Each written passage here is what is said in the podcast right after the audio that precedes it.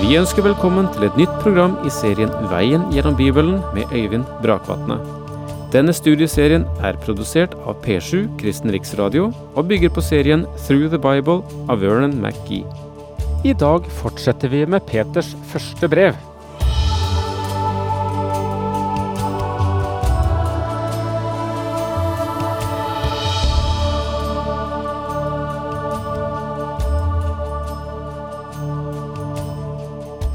Det går an å leve livet oppreist.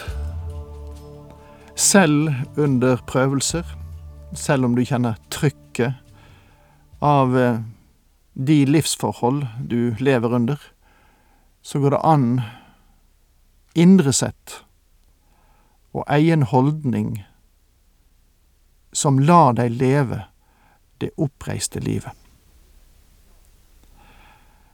Peter han sier at det skyldes ikke at vi stålsetter oss selv, men det skyldes at vi tar hensyn til, regner med, at i Kristi lidelser for oss ligger forløsning og kraft til å leve det oppreiste livet. Og når han derfor i kapittel fire, i første delen, som vi nå holder på med, anmoder kristne om å leve langs eh, positive og byggende linjer, så mener han ikke at nå må du ta deg sammen og leve slik som du skal. Dette er ikke noe pliktløp som Peter snakker om her, men han taler om å øse av de ressurser som fins i det at Kristus har lidd. Når Kristus altså har lidd under sitt jordliv, så skal dere væpne dere med denne tanken. Den som har lidd her i livet, er ferdig med synden. Kristus har hatt et oppgjør med den saken. Nå kan vi få leve det livet han kalte oss, og kaller oss til. Eh, sist så fikk vi se at det er ting vi skal legge av, og det er ting vi skal venne oss til. Vær sindige og nøkterne så dere kan be. Hvorfor? Fordi slutten på alle ting er nær. Kristus kommer. Der ligger et håp i fremtiden. Det vi opplever som kan presse oss, skal bare kunne gjøre det for en tid.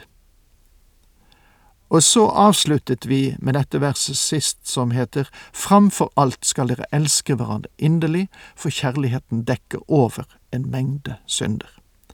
Det var altså første Peters brev, kapittel fire, og det var vers åtte. Og siste del av det verset er nemlig et sitat fra Ordspråksboken, kapittel ti, vers tolv, så du finner dette som en tråd både gjennom det gamle og det nye testamentet.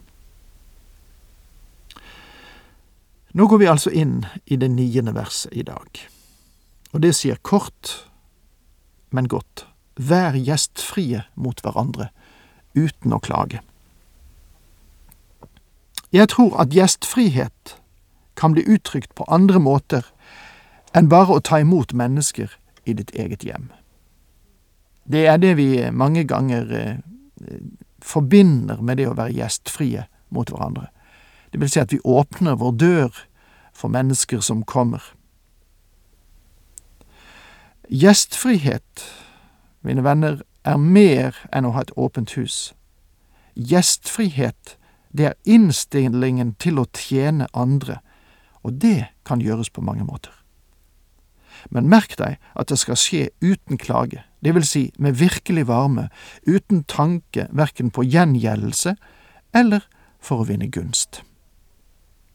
Tjen hverandre, vær med den nådegave han har fått, som gode forvaltere over Guds mangfoldige nåde. Vær med den nådegave han har fått. Nådegave betyr her en spesiell åndelig gave, og det er mange gaver. Paulus forteller oss i første Korintiabrev kapittel tolv at det er ett legeme og mange lemmer, og at kirken, menigheten, er ett legeme, der det er mange medlemmer, lemmer og mange gaver. Jeg vet ikke hvem du er, og jeg vet ikke hvilken gave du har. Jeg vet bare at om du er et Guds barn, så har du en gave, og du skal bruke den for å tjene andre. Den som taler, skal se til at han taler Guds ord, og den som tjener, skal tjene med den styrke Gud gir. Slik skal Gud i ett og alt bli æret ved Jesus Kristus, ham tilhører herligheten og makten i all evighet. Om en forkynner ikke taler Guds ord, så har han lite i prekestolen å gjøre. Vi kan ikke si at vi forkynner Bibelen når vi ikke underviser i den. Den som tjener, skal tjene med den styrke Gud gir. Denne tjeneste dekker ikke bare den som utgjør ordets tjeneste, men også andre tjenester i menigheten. Du skal tjene med den styrke Gud gir, det vil si, Gud tjener oss aldri halvhjertet, han tjener av et helt hjerte. Gud gir oss aldri hjelp på en lunken måte, men alltid med overstrømmende kjærlighet og varme. Og med denne styrke Gud gir, skal du også tjene. Slik skal Gud i ett og alt bli æret ved Jesus Kristus. Ham tilhører herligheten og makten i all evighet. Målet for vår tjeneste er ikke at vi skal ha ære, men at Gud skal ha ære. Levi Petrus, som vel er pinsebevegelsens grand old man i Skandinavia ved siden av eh, TV Barrat, har skrevet at i vår tjeneste finnes der ikke mer ære enn at Gud må ha det som er. Og det slutter jeg meg helt og fullt til. Skal vi gjenta det, og huske det? I vår tjeneste finnes der ikke mer ære enn at Gud må ha det som er. Nå vil Peter ta opp en annen type lidelse som kan møte oss. De mennesker han skrev til, var nå på vei inn i den forferdelige forfølgelsens orkan som brøt ut under Neros regjeringstid. Nero hadde allerede begynt forfølgelsen av de kristne i Rom, og dette spredte seg utover hele riket. Og Peter advarer sitt folk at de nå beveger seg inn i denne lidelsens sfære. Mange av dem han skrev til, ville lide martyrdøden, noe også Peter selv gjorde.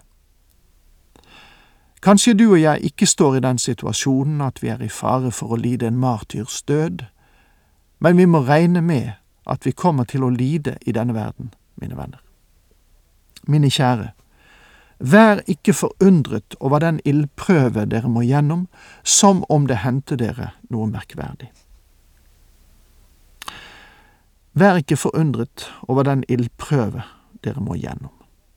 Når lidelsen kommer, reagerer de fleste av oss som om dette skulle være noe fremmed. Og av og til kjenner vi det vel som om ingen andre har lidd slik vi har lidd. I en del av de brevene jeg får på mitt bord, skinner dette gjennom. Og det er klart at lidelsen er ofte så personlig at vi føler det som vi står alene i en unik situasjon. Men nå sier Peter at vi må kalkulere dette inn i livet. Og en har formulert det slik, hvis livet er en lystreise, da vil lidelsen komme som en svær overraskelse. Hvis livet ses på, derimot, som et felttog, da er lidelse det vi må regne med. Peter taler her ikke bare om at lidelsen vil komme, men om den innstillingen vi skal ha til den. Min venn, jeg vet ikke hva ditt problem er, men jeg kan forsikre deg om at det ikke er noe fremmedartet. Andre går igjennom det samme, og det er forunderlig hvor mye mennesker har å bære på bak hver gardin når vi virkelig får se på innsiden. Da Paulus ble utvalgt som apostel, sa Herren til ham, Jeg vil vise ham hva han skal lide for mitt navns skyld. Det er ord jeg har satt en strek under i min bibel i Apostlenes gjerninger kapittel 9 vers 16. Paulus møtte lidelsens yttergrense. Og det er kanskje mindre tenkelig at vi skal møte den, og vi må ikke se på dette som et fremmedelement i vår tilværelse. Vi faller alle i den grøften og tenker slik fra tid til annen. Den ildprøve dere må gjennom som om det hendte dere noe merkverdig. Grammatikken her tyder på at de troende allerede var under prøve gjennom lidelse. Lidelse er ikke en tilfeldighet som møter vårt liv. Det er en normal kristen erfaring. Peter sier, se ikke på dette som noe merkverdig, for dette er en normal opplevelse som troende vil ha. Ildprøve betyr bokstavelig talt det å bli smeltet i en ovn.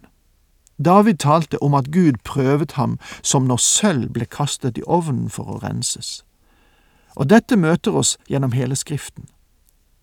Peter har nå nevnt denne ildprøven flere ganger.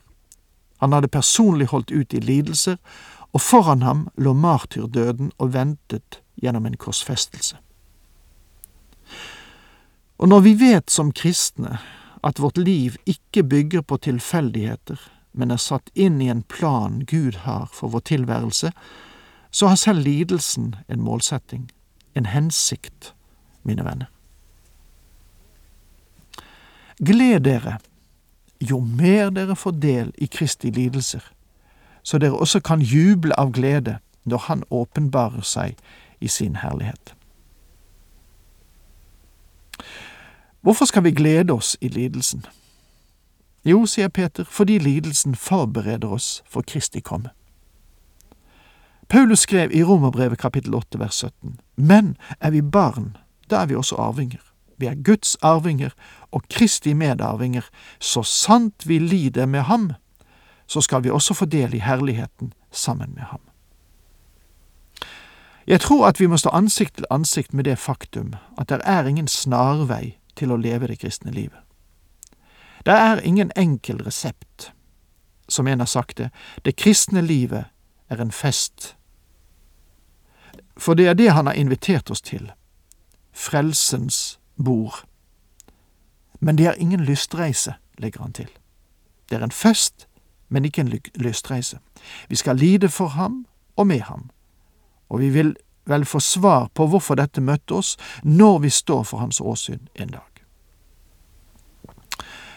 Og jeg må få lov til å si at jeg ville synes det var billig å bli sittende ved siden av Paulus i herligheten en dag og sutre over det jeg ikke fikk, og han vil fortelle meg om gleden ved sine lidelser. Guds ord gjør det helt klart at lidelse er en del av det kristne livet.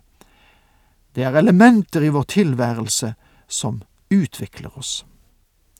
Og kan vi lære denne leksen av Peter, så skal det sannelig ikke mangle på rikdom.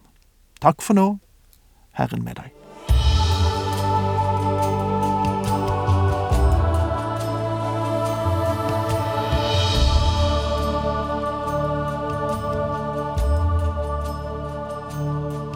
Du hørte Øyvind Brakvatne i studieserien Veien gjennom Bibelen. Serien bygger på et manus av Vern McGee. Har du spørsmål eller kommentarer til programmet, kan du sende en e-post til vgb krøllalfa p7.no. Takk for i dag, og på gjenhør.